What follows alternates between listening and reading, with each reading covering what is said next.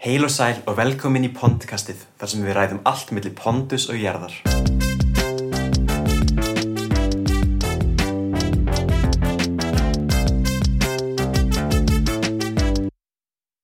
Hér með mér erum við Jóhann Viðar Hjaltason heimspeking Hæ, hæ. og Sigmar Darra Unstinsson verkfræðinema. Takk.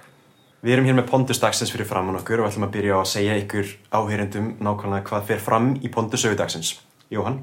Já, mjög, mjög skemmtlur pondus. Herri, við erum stödd hérna inn í herbergi og konans pondusar Bára stendur við speilin og segir Ætlar að fara í þessu pondus? Hann svarar um hæl, held það já. Og svo kemur annar rammi. Og hún horfir svona undarláðan Við erum að fara í veislu pondus Ymmit þess vegna. Og þess að gríni hérna er sko að hann er í ból sem stendur Huggers and close talkers will be taste Þetta minnir mig á atvik sem ég lendi hérna með ára með kærastinu minni henni Unu.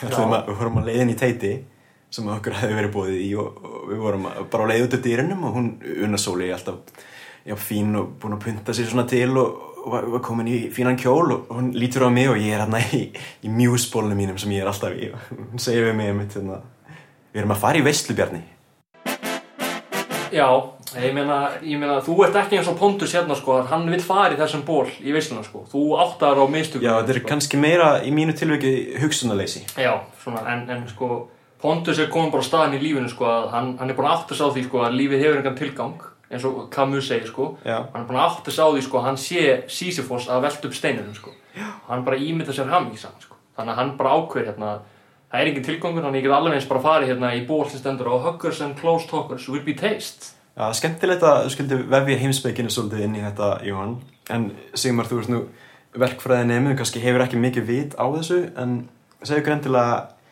hvað fannst þér um var bara verkfræðileg sjónum mig. frá verkaðu sjón, sjónum miði uh, hann var bara góður í dag uh, ég hugsa að ég sjá ekkert hérna, verkvæðilegt sem ég get tengt við þennan bóndus Eitt sem er skemmtilegt er þetta sko er hérna hvernig hún er með puntaðstöðun sín í herbygginu sko. Það er smá verkfræð á baku það sko. Já, þetta minnum mig svolítið á eh, punt aðstöðin hjá kæristinu minn henni Unu Sóli. Já, þetta er alveg bara svona rammi klift úr þínu lífin, lífi næstu því sko. En Sigmar, þú ert nú einhleipur. nei Nú, Nú, ha.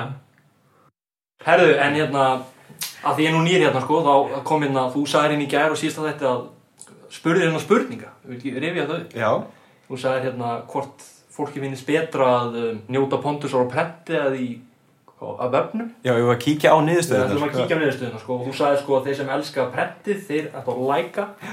Og við verðum náttúrulega að læka sko. Kíkjum á þetta. og hérna, já, það eru hérna þrýr sem læka held ég sko. Uh, hann er Gísli Gilvason uh, stórvinu þáttarins um Gísli. Og Bjartur Labjörnsson var að þingmaður samfélkingarinnar hann, hún er vist betra að skoða prenti og síðan Tómas Bjarnason sem er einmitt býr í Danmörku en hann fær alltaf sendt fréttablaðið prentað til sín. Þetta eru flotti strákar og, og flotta að þeir láta ekkert internetvæðingu samfélagsins hafa áhrif á sig þegar það kemur á pondus. og sá sem hló var ég af því að ég er umhverfisvætt sko og hugsa svolítið út í það sko. En ég sá samt svolítið að mér sko núna og ég vil fyrir eitthvað breyta í prentið aftur sko. Og Daniel hérna, einn strákur, Daniel Gókstur Röggvalds hann kommentaði á status og sagði prentið er auðvitað betri leið til að njóta pondus rammanir er ekki heim og skján Já, Daniel, þetta er uh, skemmtilegt að heyra frá hlustendum okkar og hvað þeim finnst um þetta. En ég verð að segja að mér finnst halla svolítið á sko, kynja hlutfallið ekki alveg nógu gott þarna í sörunum og við langar bara hvetja ykkur steppur koma svo, já og svo sko við vitum að þið eru hérna úti og, og þið lesi pondus og áfram með Sigmar, já, áfram stelpur.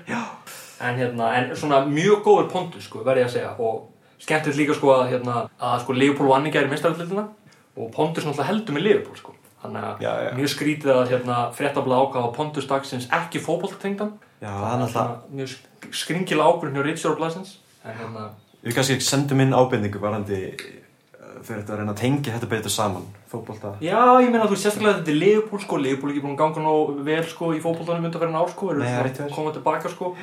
Og svo ákvaðir að hafa bara einhver veislu. En kannski náttúrulega veislan vísun í það sko að þeir unnu, það er veislaðir unnu skilur meiri veislan þeir unnu og eitthvað Ég svona, skil. dæmi Sigmar, segðu mér, er þér búið í mörg partí?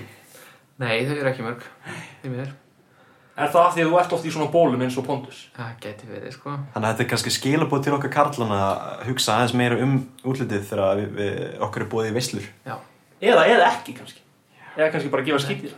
Þú kannski, kannski værir ekki einhleipur sem er ef að þú værir ofta í fínum skýrtum til dæmis þegar það verður farið Já. í partí. Já, það Já, svo hérna, eitt sem er annars skemmtilegt sko að hún Bára, konun hans Pontus, er Já, greinlega að við, nú ekkert að fara út í það Jóhanna, því Alltaf að lag. tími hjá Já. okkur er búinn í dag og Já. við skulum bara heyrast hress og kátt aftur á morgun með nýjan pondus, brosa vör og takk fyrir okkur.